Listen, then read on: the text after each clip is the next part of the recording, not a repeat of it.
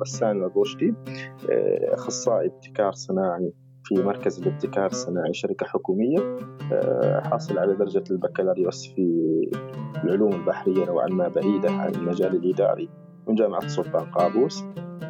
وحقيقة أعمل في المؤسسة بإدارة برنامج يعني كلفت حاليا بإدارة برنامج يسمى تأهيل اختصاص ابتكار صناعي. نحاول من هذا البرنامج أن نأهل عدد من الشباب العماني يكونوا اختصاصيين ابتكار صناعي ونستعين بخبرات ومنظمات عالمية في تطوير هذا البرنامج.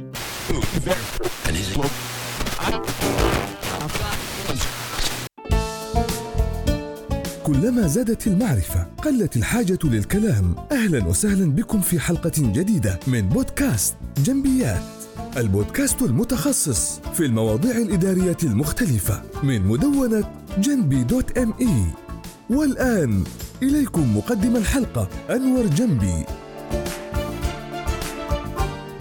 قبل قبل فترة أنا كنت قاعد أتصفح التويتر وشفتك أنت اتممت ما شاء الله قرأت كتاب مؤخرا آه، حق حول مهاتير محمد الرئيس السابق أو الرئيس الحالي لماليزيا. نعم. نعم. وشاركت في ذيك في سلسلة تغريدات حول حول الشخصية هذه وإنجازاته. وصراحة يعني أنا كنت أعرف عن عن الشخصية وإنجازاته التاريخية بالنسبة لبلده لكن تغريداتك كانت آه، ما شاء الله ونورتني في أكثر من جهة وأكثر من إنجاز. والجهة الإدارية اللي هو تناولها آه، في تطوير بلده وتطوير الاقتصاد تطوير الثقافة من من من تقريبا لا شيء إلى مصاف الدول المتقدمة. بالضبط. فعلا فعلا نعم. آه، طبعا مهاتير يعني شخصية حقيقة لا تخفى على أي آه، متتبع للنهضة سواء على مستوى الاقتصاد أو على مستوى الصناعة والتنميه السياسية أو حتى الاجتماعية. وبالمناسبة السلطنة في عام 2016 تقريبا استضافت مهاتير محمد آه، يساعد السلطنة في إعداد رؤية 2040 هذا مؤشر ودلالة على أن مثل هذه الشخصية آه، نهضت بماليزيا من من من من من الحضيض إلى أن تكون في مصاف الدول المتقدمة مثل ما ذكرت في مجمل كلامك أستاذ أنور. نعم يعني قبل حتى دخول المحاتير محمد في. ومباشرة البرنامج المتكامل اللي تناولها على بلاده ولا اعطيك فرصة طبعا تنورنا عن عن الشخصية وعن إنجازاته من الناحية الإدارية أكثر من من السياسية كشخص آه، كانت ماليزيا تعتبر بلد متواضع خارج من من الاستعمار و... ويعتمد كثير في اقتصاده على الزراعة. طبعا يعني ما يخفى علينا أن مساحة ماليزيا تقريبا تصل إلى 28 ألف 320 ألف مربع وعدد سكانها تقريبا في حدود 30 مليون. ويعيشون في الغابات يعملون في زراعة المطاط والموز والإناناس. ف وفوق هذا أن كانت تعيش صراعات دينية. يعني أنا قرأت في ماليزيا أكثر من تسع ديانات. فهذا في حد ذاته تحدي كانت تعيش البلد. كان على مهاتير أن يعالج كل هذه القضايا ليبدأ في في النهوض ببلده وتنميته. ممتاز جدا. وإيش تحب تقول لنا أنت عن عن شخصية كتعريف؟ أنا أنا والله وضعت بعض وضعت بعض المحاور للقاء اليوم محاور آه، بسيطة وأتمنى إن ما يكون اللقاء ثقيل أيضا. آه، بعرف بمهاتية تعريف مبسط كذا وسأتطرق إلى حياتي السياسية. نوعا ما حياتي السياسية هي من قالت به إلى رئاسة الوزراء ثم سأتطرق إلى موضوع العلاقات الأسرية ومنصبه كرئيس للوزراء لأن للأسف ما, ما, ما يعيق حركة التقدم هي العلاقات الأسرية والاجتماعية لصاحب المنصب أو المتدارج بين قضايا الفساد. فقضايا الفساد هي التي تعيق التقدم. فكان مهاتير يعني آه، قرأت أنا في في بعض المقالات أن حارب الفساد بكل أنواعه وضعه ضمن قائمة الأعداء الأكثر شراسة والذي لا يمكن القضاء عليه بشكل كامل. يعني كان مهاتير حتى في زيارته للسلطنة أشار أن الفساد هو يعني ألد الأعداء لأي تنمية لأي بلد. فتطرق في كتابه إلى هذا الموضوع. بالمناسبة له مذكرات طبيب في رئاسة الوزراء كتاب جميل يتجاوز عدد صفحاته تقريبا 900 صفحة. فمن أراد أن يتوسع في قراءة فكر هذا الرجل فالكتاب موجود متوفر ومترجم في في المكاتب المحلية. وأيضا مثل ما ذكرت ماليزيا عانت مع الاستعمار البريطاني. تطرق إليها كونها كيف أستطاع مهاتير أن ينقل البلد من من حضيض ومن مخلفات ذلك الاستعمار إلى دولة في مصاف الدول المتقدمة. وأيضا حياته الصحية. أنا في قراءتي لسيرة مهاتير وجدت أن حتى في في أشد وأفتك حالاته المرضية كان شعوره بالمواطنة وبانتمائه للبلد عميق يعني متشرب بهذا الانتماء وسأتطرق إليه نوعا ما. وأيضا رؤيتي 2020 التي وضعها لماليزيا وما هي نتائج هذه الرؤية؟ فهذه بعض الأشياء اللي راح أتطرق لها في هذا اللقاء البسيط. أتمنى أن ما تكون فترة يعني ثقيلة على المستمعين. وأتمنى أن الاستفادة تكون متبادلة بيننا وبينكم أستاذ أنور.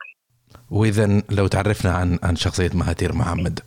مهاتير محمد طبعا آه، ولد في يوليو تقريبا 1925 كده.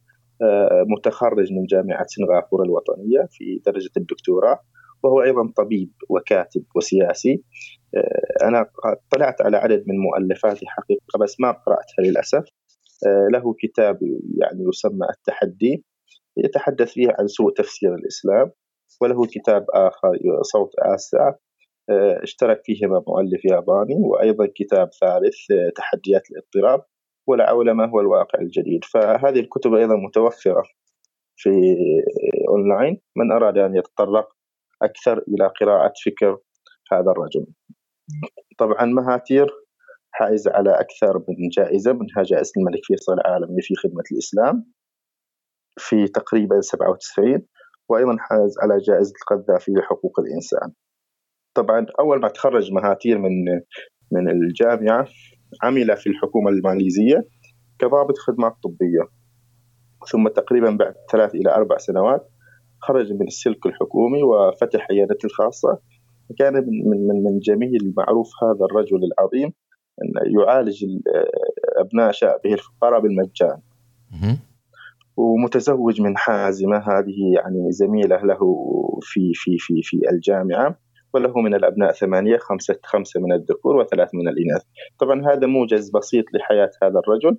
آه، الرجل طبعا ينتمي لأسرة فقيرة حتى من من اللطافة التي قرأتها في أحد الكتب أنه كان يعني يتطلع إلى شراء دراجة هوائية لكن والده لا لا يملك ذلك المال الكافي لشراء هذه الدراجة لمهاتير.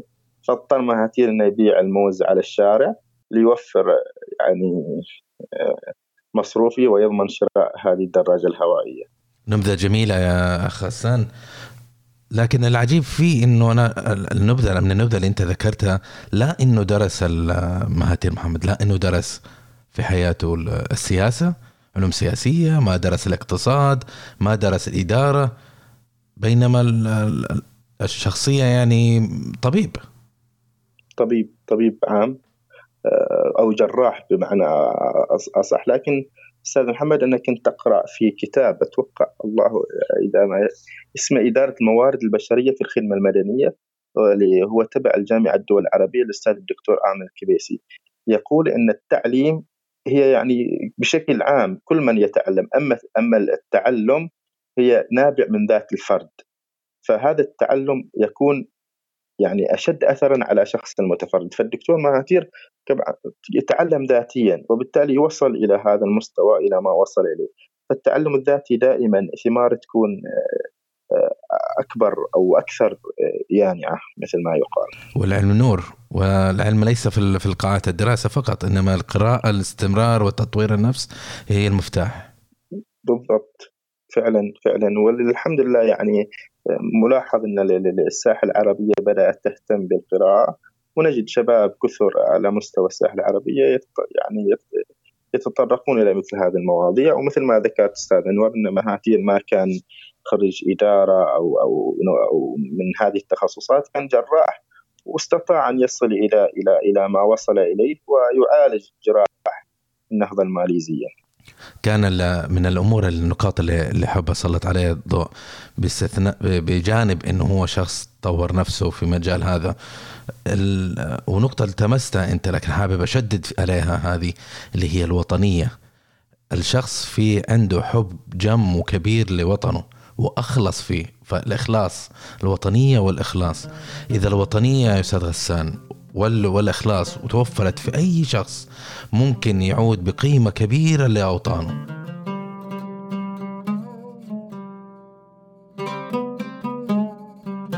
طبعا طبعا يعني وأنتم أساتذة في هذا في هذا المجال يا أستاذ أنور. يعني الوطن هو شعور الانتماء كل ما شعرت بالانتماء تجاه وطنك وتجاه بلدك زاد معدل معدل اعطائك لهذا البلد. وفيما أنا سمعت الدكتور غازي رحمه الله يعني وأنتم لكم عمالقه في الفن في الفن الإداري. يقول الدكتور الغازي الدكتور غازي أنا أعتبر الرجل رجلا متى ما كان هذا الرجل مدرك أهمية المسؤولية تجاه عائلته تجاه وظيفته تجاه وطنه. فكل ما كان الشخص مسؤول تجاه هذه الاشياء هذه المجالات كل ما أصبح أكثر رجوله مثل ما عرف الدكتور غازي رحمه الله. جميل جدا. وماليزيا كانت في وضع زي ما قلنا يرثى لها تقريبا كما بعد الاستعمار البريطاني؟ آه، في في في في, في الاستعمار البريطاني آه، للأسف يعني وصلت ماليزيا لتخيل أن يعني وصل عدد حاملي الشهادات الجامعيه إلى أقل من 100 شخص في مجمل أنحاء البلاد. وهذا ما ذكر الدكتور في في أحد مؤلفاته.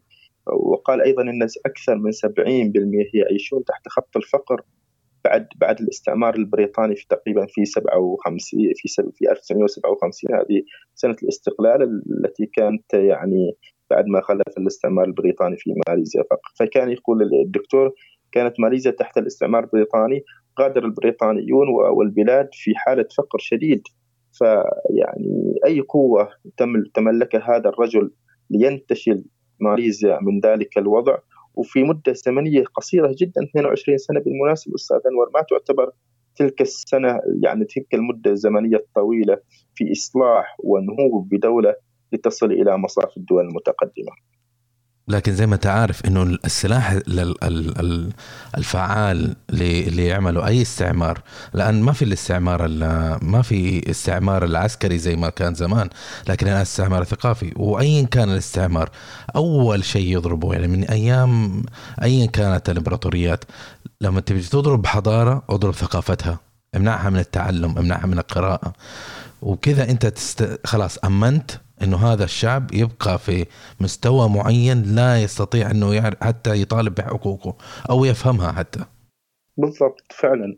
وهذا ما حدث للشعب الملاوي أو الشعب الماليزي مثل ما ذكره آه، مهاتير فأنا كنت أقرأ له, له كتاب يسمى من ضمن سلسلة شخصيات غيروا مجرى التاريخ لعده الدكتور يوسف الأقصري.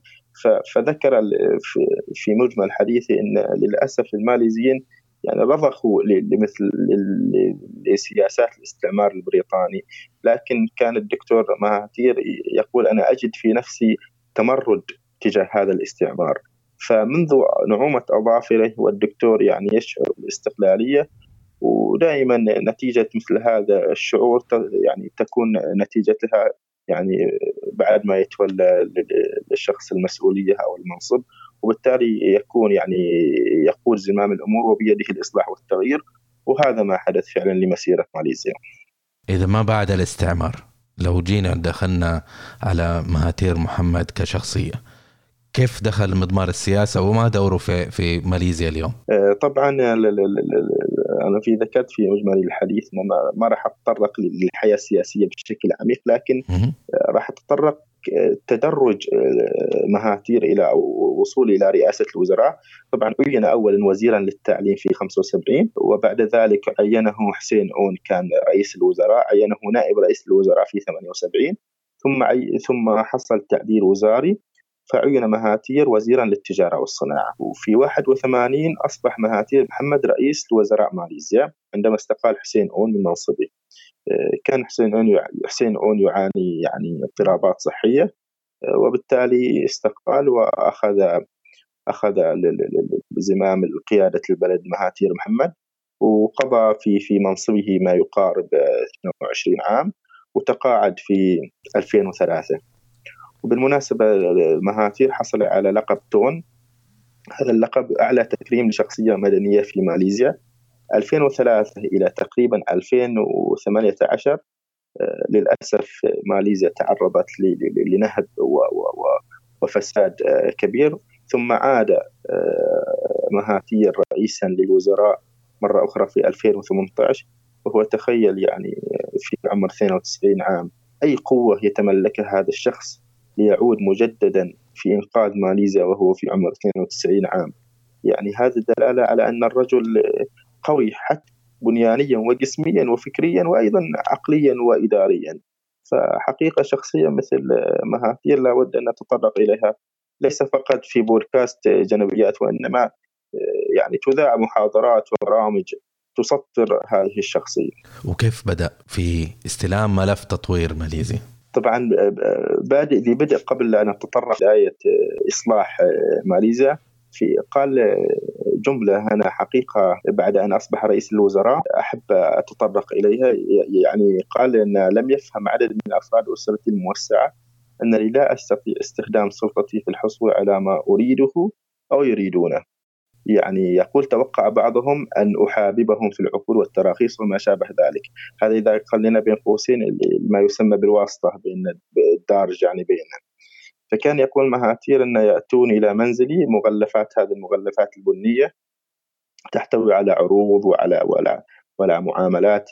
يقول أك يعني يقول كان أجل ما كان في استطاعتي فعله هو أني ألعب دور بريد. أستلم الملفات هذه البنية وربما بعض الأحيان أعلق عليها بأرجو النظر وأسلمها للمسؤولين في في في في في, في وأهل أهل القرار. فهذا في حد ذاته دلاله واضحة على ان أن مهاتير لم يتحيز إلى علاقة أسرية أو علاقة اجتماعية. وهذا يعني آه، قد قد يكون يعني أهم لبنة يبني عليها الإداري أو المسؤول آه، مسيرته الإدارية. فكلما كانت هناك بذرة أو أو مثقال ذرة من فساد آه، يعني إقرأ الشهادتين على على هذه المسيرة. وأيضا حتى على مستوى اسرته الشخصية فكان يقول إن إدارتي كانت خاضعة للجميع. يقول حتى أبنائي أبنائي يقول لم أعطيهم فلسا واحدا لتكوين رأس مالي. كل ما أعطيتهم إياه هو التعليم الجيد وفرصة للتطور وبناء أنفسهم في هذه الحياة. فهذه دلالة على أن الرجل يحارب الفساد. سواء على مستوى أسرته أو على مستوى مجتمعه. فطبعا أول ما ما ما, ما أخذ زمام الأمور قال إحنا لابد علينا أن نضع رؤية. هذه رؤية 2020 عملوا على تطوير معهد اسمه معهد الدراسات الاستراتيجية والدولية. رسم ثلاث مسارات. مسارات التنمية. قال عندنا مسار التنمية الاجتماعية ومسار التنمية الاقتصادية والتنمية السياسية. رؤية 2020 الماليزية أطلقت في 91 وهي خطة تمتد ل 30 سنة تلحظ ما يلزم الماليزيين في القيام ليصبحوا دولة متقدمة. قالوا إن قالوا أن إحنا نريد أن أن تتطور ماليزيا وتصبح دولة عصرية مع عدم المساس بالفضائل والقيم والأخلاق. فمثل ما ذكرت أنت في مجمل حديثك أستاذ أنور أن يعني قيام قيام الدولة راجع إلى ثقافة يعني إذا ضرب الاستعمار الدولي يضرب الثقافة والحضارة. فمهاتير قال إن بناء الدولة لا يجب المساس على على فضائلنا وقيمنا وأخلاقنا. وذكر في مجمل كتبه أن عبارة جميلة جدا يعني أو أو أو أنا نظرية أنا أستطيع أن أطلق عليها. قال إن ما وجدت مؤشر ولا معيار ممكن أتبعه للنهضة. يقول إذا حسبنا الثروة حين نحسب الثروة بناء على دخل الفرد آه، يعني في حد ذاتها إلى مستوى تطور البلاد. يعني قال على سبيل المثال دخل الفرد مرتفع جدا في الدول المنتجة للنفط مثل دول الخليج على سبيل المثال. لكن لا يعتبر لا يمكن اعتبار سوى قلة منهم إن وجدت دول متقدمة وأغلبيتها مصنفة في إعداد الدول النامية. بل ان بعضها دول متخلفة. فمعدل دخل الفرد ما هو دلالة على على على على مستوى على تقدم هذه الدولة. فهذه بعض ال. بعض الخطط التي وضعها مهاتير في بداية حكمه للبلاد. ثم قال في في استراتيجيته للنهوض بماليزيا يجب علينا أن نحدد العقبات المحتملة. يعني في كل مسيرة تنموية أو كل نهضة لابد أن تتعرض لعقبات محتملة. فوضع قائمة بالعقبات التي ممكن أن تتعرض إليها البلاد.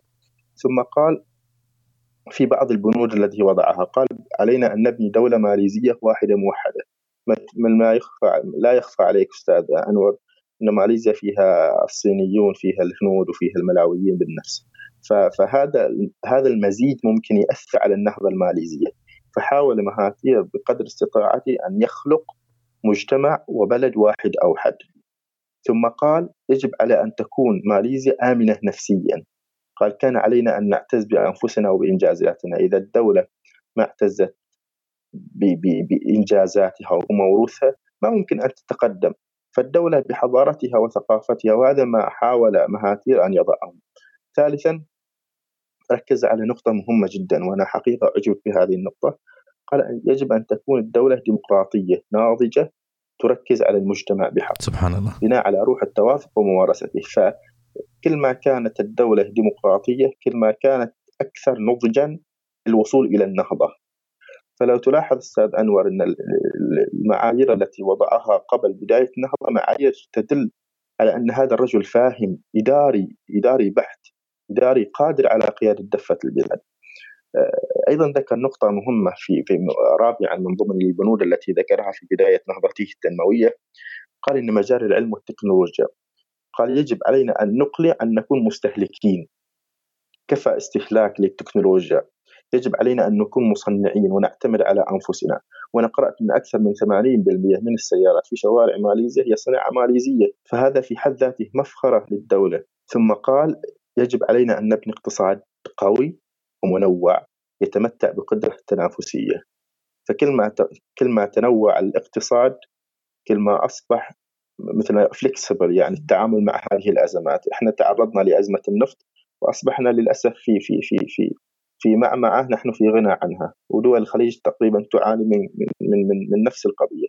فمهاتير ركز على التنوع الاقتصادي ونحن في السلطنة عملنا على إعداد برنامج يسمى برنامج التنفيذ وهو البرنامج الوطني لتنويع مصادر الدخل. فهذا البرنامج أعد بالتعاون مع الحكومة الماليزية ومع مهاتير بالنفس. فركزنا على خمس قطاعات تعين السلطنة على الاستغناء عن القطاع النفطي في تنويع مصادر الدخل. اللي هي القطاعات أي قطاعات ركزت عليها السلطنة؟ آه، قطاعات الثروة السمكية وقطاع اللوجستيات وقطاع الصناعات التحويلية وقطاع السياحة وقطاع التعدين.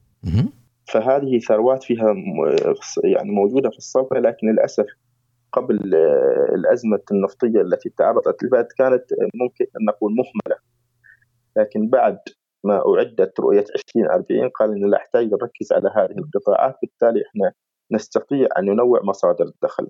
وهذا ما عملت عليه ماليزيا بقيادة هذا الرجل العظيم.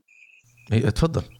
آه طبعا بعد هذا الإعداد والتحذير والخطط التي وضعها مهاتير يعني بعد 22 سنة ممكن نقول من من من, من القيادة الحكيمة لهذا الرجل يعني برزت برزت نتائج لطيفة جدا وأنا تقريبا سمعت بعض منها في في تغريدات مثل ما قرأت أستاذ يعني آه، قال قرر أن يكون التعليم والبحث العلمي الأولوية الأولى على رأس الأجندة. يعني للأسف يعني ممكن ما من اللطيف أني أتطرق إلى هذا الموضوع لكن آه، دولنا العربية وبالأخص الدول الخليجية تنفق مليارات على على على الأسلحة وما إلى ذلك. مهاتير لم يعطي الجيش الأولوية، قال إحنا لسنا في حالة حرب ولا حالة تهديد. فلماذا يعني أنفق مليارات الريالات أو الدنانير أو الرنجات على على على على الجيش والأسلحة والدبابات ولم يهتم بالإسراف على القصور والحكومة والفشخرة والتهاني والتعازي والمجاملات والهدايا. هذه هي أزمتنا إحنا للأسف كمنطقة خليجية. ركز دائما على على على على على, على القطاعات الصناعية اللي ممكن تساهم في تنمية بلده. أيوه. آه، فجاءت النتيجة. آه، أول ما يعني آه، انتهى من وضع الخطة أعلن للشعب بكل شفافية الخطة والاستراتيجية. أعلن النظام المحاسبي الذي يحكمه بدء الثواب والعقاب للوصول إلى النهضة الشاملة. يعني قال أنجزت راح تجازى. قصرت في آه، مهامك الموكلة إليك راح تعاقب. فهذا يعني مؤشر أو دلالة على أن الرجل فعلا صارم في إعداد والتحضير لدولة عصرية تشبه ماليزيا. فجاءت نتائج على مستوى إذا ذكرنا قطاع الزراعة. غرسوا مليون شتلة نخيل زيت في أول عامين وأصبحت ماليزيا أولى دول أولى دول العالم في إنتاج وتصدير زيت النخيل. فأنا قرأت أو ذكر لي أن حتى الهليكوبتر تبذر آه، بذور زيت النخيل على الأراضي الماليزية. فأصبحت ماليزيا الدولة الأولى المصدرة على زيت النخيل في العالم. فهذا على في القطاع الزراعي. إذا تكلمنا عن القطاع السياحي قرر مهاتير في أول عشر سنوات يكون يعني المستهدف 20 مليار دولار بدلا من 900 مليون دولار في 1981 فأصبحت الآن آه، إيرادات آه، ماليزيا من القطاع السياسي السياحي وحده ما يقارب 33 مليار دولار سنويا. وهذا في حد ذاته دلالة على أن القطاعات السياحية معنا إذا تكلمنا على مستوى الخليج واعدة قابلة للاستثمار ولبناء الدول. مثلا أبسط مثال ما فعله مهاتير. المعسكرات اليابانية إبان الحرب العالمية الثانية حولها إلى مناطق سياحية وعمل فيها أنشطة ترفيهية ومدن رياضية ومراكز ثقافية وفنية وحتى أصبحت ماليزيا مركزا عالميا للسباقات الدولية في السيارات. والخيول والألعاب المائية والعلاج الطبيعي وأتوقع أنت زرت ماليزيا وشفت كيف ماليزيا في القطاع السياحي قاطعة شوط جميل جدا في دعم السياحة المحلية. أنا صراحة أتذكر يعني كأنها بالأمس لما كانت التسعينات فجأة إحنا في الخليج صرنا نسمع عن بلد اسمها ماليزيا والناس بدأوا يتوافدون ليها وصارت رقم واحد يعني ما تس ما في أحد حولك تسأله وتقول له وين رايح في الصيف؟ إلا يعني الغالبية يقول لك والله رايح ماليزيا هذا في التسعينات طبعا. وهذا مقارنة بلا شيء يعني كبلد من ناحية السياحة. ما كان فيها بنية تحتية ما كان فيها أي شيء. لكن سبحان الله يعني ظهرت فجأة كمقصد لدول الخليج يقصوا الطريق من آخر العالم إلى ماليزيا للسياحة. فعلا فعلا. وهذا يعني ما جاء من عدم. جاء من استراتيجية واضح وضعها الرجل في مطلع الثمانينيات إلى أن وصل إلى ماليزيا بهذا. أصبحت وجهة لنا كخليجيين لماليزيا في السياحة. فإذا تكلمنا عن القطاع الصناعي في 96 هم حققوا طفرة تجاوزت 46% عن العام اللي قبل اللي هو 95 نعم. فحققوا منظومة رائعة في تصنيع الأجهزة الكهربائية والحاسبات الإلكترونية. فبدل ما يكون هو ذكر في وذكرت في في مجمل الحديث أن بدل ما نكون مستهلكين لابد أن نكون مصنعين. فصنعوا الأجهزة الكهربائية وأصبحت ماليزيا ذات طفرة في تصنيع مثل هذه آه، الأدوات الكهربائية والحاسبات الإلكترونية. إذا جينا على الاستثمار أو النشاط المالي يعني فتح الأبواب على الباب على مصراعيه. أمام الاستثمارات المحلية والأجنبية لبناء آه، البرجين. لا يخفى عليك البرجون اللي هم بتروناس. آه، فيهم أكثر من 65 مركز تجاري. وأنشأ بورصة التي وصل حجم تعاملها اليومي تقريبا إلى 2000 مليون دولار يوميا. وهذا مؤشر آه، يعني لطيف على أن الدول العربية إذا ما أرادت أن أن تنهض بالقطاع الاستثماري أن تسهل العمليات الاستثمارية أمام المستثمرين الخارجين وهذا ما نلحظه في دبي. دبي أصبحت وجهة للمستثمرين وهذا دلالة على ان أن البلد أصبحت وجهة للمستثمرين على مستوى العالم.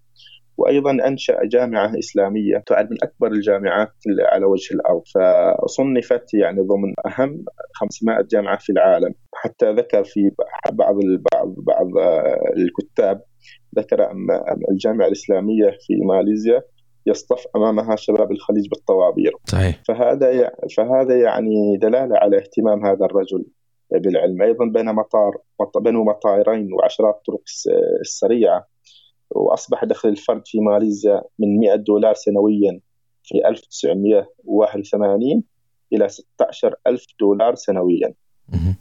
وتخيل يا أستاذ أنور يصل الاحتياط النقدي من 3 مليار إلى 98 مليار. فهذا يعني حقيقة بعض الإنجازات التي توصل إليها هذا الرجل بحنكته ودهائه وخططه المدروسة بالرغم أنه لم يدرس أي مجال إداري. لكن مثل ما ذكرنا في لقائنا أن كل ما كان شعور الفرد بالانتماء لوطنه بالانتماء إلى بلده وشعبه أصبح أصبحت سياسته يعني ميسرة في إدارة بلده. الجميل فيه إنه هو لما يا أستاذ غسان لما انطلق بخططه حط أركان آه، جدا أساسية ومبنية على دراسة. وضع الأساسيات للتطبيق اللي هي الشفافية وضع الأخلاقيات ومبدأ الحساب والعقاب. وجعل الشعب ما هو شعب مترف أو مدلل إنه مجرد إنه نوفر لهم حلول ونوفر لهم آه، مداخيل لا إنما دخلهم في في عملية التطبيق ووضع أسس الثواب والعقاب وجعلهم جميعا يتبنون هذه ال- الخطة اللي هو وضعها للبلد بحيث إنه جميعهم يبنوا يدا واحدة وهذا كثير من البلدان حتى لو الخليجيه تفتقد لهذا الشيء إنه الشعب ينظر إنه إنه أصحاب القرار أو الحكومة لهذا البلد هم المسؤولين عن تطوير ال- البلد فقط إنما هو يعتبر كراكب في حافلة ربما. طبعا ليس جميع ال- ال- الدول هكذا لكن في ثقافة لا بأس فيها في الدول العربية ولا بأس فيها في دول الخليج. لو ننظر إلى النتائج أستاذ غسان النتائج اللي وصل لها الرجل في الصناعة يعني أهم شيء أنت عندك طبعا التعليم أسس لك اكبر جامعة إسلامية في ال- جا- الجامعة الإسلامية أكبر جامعة في العالم. صارت آه، منبر للعلم ومقصد كثير أنا كنت أسمع في التسعينات إلى الآن دو آه، شباب وشابات يبتعثوا إلى إلى الماليزيا للدراسة. سبحان الله. بس بالنسبة للصناعة واللي هو الشيء العجيب الناس عادة كثير من الدول لما يجي يركز يركز لك على على السياحة أو يركز لك على على شيء من هذا القبيل. لكن هو ركز على الصناعة لأنها تب تبدأ تدر عليه مداخيل وتبدأ تفتح وظائف وتدخل استثمارات. وحتى صارت الصناعة 90% من الناتج المحلي الإجمالي. هذه نسبة كبيرة ترى. آه، هو هو ذكي يعني أدرك أن اقتصاد أي دولة في الصناعة. ونجح في تطبيقها. 90% يا غسان. إحنا ما بنقول 20 30 40 بنقول 90% من مدخول الدولة من الصناعة. ثم ننظر إلى هل الصناعة زي بين قوسين تجميع أم أم لا؟ لأنه كثير من الدول يجي يقول لك والله إحنا صنعنا هذه وصنعنا هذاك وإحنا فخورين بهذا الشيء وهذا الشيء. يا أخي لما تيجي تطالع في شيء اللي سووه قاعد يجمعوا. أنا ماني عارف ليش الناس ما يشوفوا هذا الشيء. أنت جمعت هذا الشيء سيارة خلينا نشوف سيارة. تقول إحنا صنعنا أول سيارة في في تاريخ بلدنا. أوكي جدا جميل. لكن القطع المكون منها السيارة هذه هل أنت صنعتها؟ ولا جبت قطع من برا وحطيتها مع بعض وقلت أنا صنعت هذه السيارة؟ فعلا. فنيجي ننظر إلى الملف الثاني من لانجازاتهم اللي هو الصادرات. الصادرات ماليزيا قفزت من دولة زراعيه تصدر خضار وفواكه إلى تصدير صناعات أو منتجات مختلفة أولية وغير أولية. فعلا والمواد اللي تصدرها للخارج تشكل 85% ما هي مصنعة داخل مش مزروعة مش مستوردة و- ويزود عليها شغلات ويرسلها مرة ثانية. لا مصنعة في الدولة تشكل المواد المصنعة في الدولة تشكل 85% من إجمالي الصادرات. هذه أرقام لا يمكن أي شخص أنه ما يحترمها. فعلا فعلا. فقط أصحح معلومة أنا ذكرتها أنه يتسلم الحكم وهو في, في ماليزيا تسع ديانات هو أكثر من ثم- 18 ديانة. فتصور يعني حجم حتى الصراع الديني قد يؤثر على على مسيرة أي نهضة. لكن استطاع استطاع مهاتير بحنكته أن يتجاوز هذه الصراعات ويخلق ماليزيا من ماليزيا دولة آه، أصبحت يعني حقيقة آه، قبلة لمن أراد أن ينهض وأصبح هو في حد ذاته وهو في هذا العمر يعني قضى من عمره نحبا أيضا آه، خبير في إعداد استراتيجيات الدول وخبير في إعداد ال- المسيرات الإدارية. فمن ضمن الأشياء اللي أنا فعلا عجبت في في في خطة مهاتير إنها يعني خصص أكبر قسم في ميزانية الدولة ليضخها في التدريب والتأهيل والتربية والتعليم ومحور الاميه وتعليم الإنجليزية لأنه يدرك إن التعليم والتدريب وتمكين تمكين أبناء الشعب هو اللي راح يخلق مستقبل اقتصاد الدولة.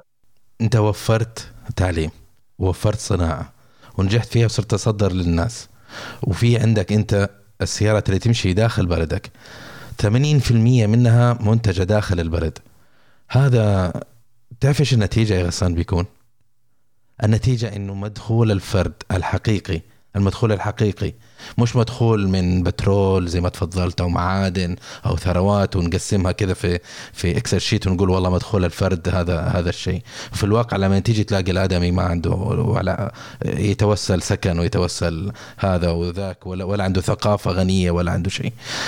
في ماليزيا انخفضت نسبة عدد سكان تحت خط الفقر عدد السكان اللي تحت خط الفقر أن تغيروا انخفض من 52% تخيل بلد 52% من عدد السكان تحت خط الفقر. هذا في 1970 عام 2002 صارت 5% هذا حقيقة يعني نرفع له القبعة مثل ما يقال. أنا أرفع له الشماغ والعقال وأرفع له أي شيء والكمة أرفع له أي حاجة. والله رجل عظيم. حتى نسبة البطالة أنا قرأت أن انخفضت إلى 3% اللي تحت خط الفقر؟ البطالة نسبة البطالة أو الباحثين عن عمل نسبة البطالة. نعم. نعم صحيح صحيح صحيح نعم نعم. نسبة الناس اللي في الباطلين اللي لا يعملون آه، صارت تحت 3% ترى هذا شيء صعب. ما هو ما هو شيء سهل صار في يوم وليلة. فعلا وما اجى من من فراغ. اجى من تخطيط وإعداد واستراتيجيات. إحنا ما تطرقنا إليها إلا بأقل من 0.0 يعني. لكن الرجل عمل جاهدا في انه يصل بهذه النتائج المشرفة والتي صراحة أن نتامل أن نشوفها في يوم من الأيام في دولنا الخليجية ودولنا العربية. يعني أنا لما أشوف مش قصدنا إنه إحنا نلمع شخصية ما. لكن مهاتير محمد شخصية في في دو احد الدول الإسلامية شخصية نجحت في الفعل فما هي تلميع آه، هباء منثورة؟ لا ابدا. لا ما هي ما هي ما هي تلميع هباء منثورة. لو ننظر إلى قصص أخرى مشابهة آه، قصة نجاح الإمارات. فعلا على يد محمد بن راشد أيضا؟ ايقونه الإنجاز فظيع. أنا رحت في في بداية التسعينات للإمارات. دبي يا أخ غسان إذا إذا أنت عماني أكيد جنب الإمارات فتعرف أكثر مني. دبي ما كانت إلا شارعين شارع المرقبات والشارع الثاني ما أدري إيش هو. شارعين فقط. صحيح. فطبعا هذه الآن صارت مناطق قديمة تعتبر البلد في دبي فما حد يروح لها من السياح الآن الناس ما يعرفوا إلا المناطق الجديدة والمجمعات الكبيرة والأبراج ومش عارف إيش. لكن دبي لما بدأت والله العظيم ما كانت ولا حاجة. لكن الرجال حط خطط. أتذكر هذيك الأيام كانوا الكبار في السن يعني يستصعبوا الإنجازات. يقول لك يا أخي يبي يسوي مش عارف إيش ما نتوقع. صارت النكسة الاقتصادية المالية في 2009 لما أذكر. كان الناس يتندرون في في ال social media أو ذيك الأيام ما كان في social media كان في منتديات كانت. منتديات أيوة. أيوه. كان ذيك الأيام منتديات. فكانوا يتندروا. ويقول لك شوف دبي طلعت بسرعة وطاحت بسرعة لانها كلها وهم. ما هي وهم كان تحدي مطب أخذوه. لكن ماشيين على الخطة واستمروا عليها. وتضاعفوا من 2009 إلى إلى اليوم بأضعاف أضعاف أضعاف. وسبحان الله هذا نجاحهم يشهد له. فعلا فعلا. وحضرت قبل أشهر مؤتمر لمؤتمر مستقبل الغذاء في دبي. يعني ما شاء الله استراتيجية الأمن الغذائي في دبي وضعت. ودبي يعني مدركة حجم أهمية هذا المستقبل. فالحين تشتغل على استراتيجيات في الأمن الغذائي استراتيجيات عالمية. فدبي سباقة إلى النهوض باقتصادها وبالنهوض بنهضتها وتنميتها. فأعيد وأكرر أن الحقيقة أن نصبح يوما ما مثل هذه الدول وأن ننهض باقتصاد دولنا ومستوى المعيشي للشعوب العربية بشكل أجمع بإذن الله نوصل. لكن يا أستاذ غسان خليني أشارك فكرتين أنا عندي وأفكر معك بصوت عالي. أساس أي نجاح هو التخطيط. لازم يخططوا بالطريقة الصحيحه يخططوا ثم يطبقوا وفي مراقبة مستمرة وتصحيح. الله عليك. كذا أنت كذا أي شخص ممكن ينجح صعيد فردي أو بلد أو منظمة فبالنسبة لأركان الإدارة هذه اللي ذكرناها ما هي منها ليست من أركان الإدارة أو أسرار النجاح دبي ولا مهاتير ولا أي كانت دولة أخرى نحب نضربها كقصة نجاح. نذكر أسباب النجاح هي التخطيط الصحيح التطبيق الصحيح الإخلاص والبعد كل البعد عن النفاق. فعلا. يا أخي لا تنافق. لا تقول والله إحنا أنجزنا وإحنا سوينا وانت ما أنجزت. فقط تلمع كعملية تسويقية. خذ سلبياتك وعيوبك وتحدياتك بالطريقة الصحيحة ماليزيا لو إنها آه، مشت على هذا الطريق من من 30 سنة أو 29 سنة باقي لهم سنة يهتمموا ل 2020 خطتهم. لو اتبعوا طريقة إنه أوكي يلا نسوي افتتاحية ونفتتح مش عارف إيش ونجيب الرئيس عشان نصفق له إنه هو عبقري ترى ما كان وصلوا لأي مكان. ما كان ما وصلوا الاقتصاد القوي المتين اللي تقدر توقف عليه دولة. فعلا. ولا ننسى برضو الإخلاص. مفتاح كل شيء الإخلاص. الإخلاص ومحاربة الفساد. لأن الفساد ين... ما إن نخر في مؤسسة أقرأ الشهادتين على تلك المؤسسة. الآن مهاتير لو نعود إلى مهاتير محمد رجع طبعا صارت في انتكاسة نوعا ما في البلد في 2018 نعم. على ما أذكر نعم. وكأنها كانت بالأمس يعني كان طالع في الأخبار ومظاهرات و... وكان شيء غريب يعني ما توقعنا في بلد مسالم وبلد هادئ ك... كماليزيا عندي صح. أصدقاء هناك وسألت اتصلت عليهم إيش الأوضاع عندكم قالوا والله في حالة فساد مستشرية والناس طلعوا الشارع يعني يعترضوا ويطالبوا بالتصليحات ثم ظهر المنقذ مرة أخرى مهاتير محمد ورجع طلع في الناس هدأهم ورجع للسياسة وخرج من من مرحلة التقاعد ورجع للعمل السياسي مرة أخرى. وهو في عمر 92 عام. تخيل أستاذ أنور. أنا ما أتخيل نفسي إنه أرجع للسياسة وأنا عمري 45 أقول خلاص مليت يعني بس إنه هو الإخلاص والقوة و... والروح اللي فيه وحب البلد و... وحب الناس وحب إنه يرى ثمرة أعماله اللي هو سواء السنوات الماضية يحب حب إنه يشوفها رجعته. فعلا. وفي في في مدة قصيرة أيضا حارب الفساد اللي كان أتوقع عبد الرزاق يعني كان رأس الفساد في دولة ماليزيا. وفي مدة قصيرة جدا استطاع أن يشكل نجيب عبد الرزاق يشكل لجنة في مكافحة الفساد. فنقطة تحسب لماليزيا أيضا. وهو كان من أكبر المحاربين. يعني أنا في خلال تحضيري لهذا اللقاء كنت أدور على المواضيع على مهاتير محمد عن إنجازات وعن أشياء. فكنت أشوف كثير خطب وقصصات أخبار وهذا على مهاتير محمد يحارب فساد. متمثل في رئيس متمثل في حكومة متمثل في في شعب متمثل في كذا. ف شيء عجيب. الرجال ما ما أترك التخطيط والإنجازات والاقتصاد هذا شيء لكن السبب الأول الشيء الأول العمل الأول اللي كان يركز عليه اللي هو محاربة الفساد. فعلا لأنه مدرك حقيقة أن الفساد يعني يهدم النهضة أو يعطل من مسيرتها. بالمناسبة أنا قبل قبل قبل أشهر استقبلت وفد ماليزي. يعني حقيقة يعني تمنيت أن يكون يعني نولج ترانسفير. فأخذنا إحنا طبعا أنتمي لشركة تركز على مجال الابتكار في القطاع الصناعي. فوفد ماليزي جاي يعلمنا تطوير منتجات صناعية غذائية من من من قطاع الثروة السمكية. فيعني ماليزيا أصبحت أيضا آه، آه، في مجال النولج ترانسفير قوية جدا. إحنا في نستعين بها بكثير من من من من من المواضيع اللي في في مجال الصناعة الغذائية. فهذا أيضا جاء نتيجة جهود هذا الرجل العظيم.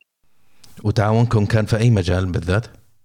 آه، تعاوننا إحنا ننشئ مصانع. أحد المصانع متعلقة بغذاء البت فيد يعني غذاء للحيوانات الأليفة. ماليزيا قاطعه مشوار جميل جدا في هذا المجال فاستعناكم كخبراء يساعدونا في تطوير مصنع لغذاء الحيوانات الأليفة. ونعمل على مصنع آخر في تصنيع منتجات سمكية. أيضا استعنا بماليزيا في تطوير أكثر من 12 منتج. من من مشتق من السمك. فالثروة السمكية في عمان كبيرة جدا فالأدد فاليو أو القيمة المضافة هي اللي ترفع القيمة السوقية للمنتج استعنا بماليزيا في هذا المجال.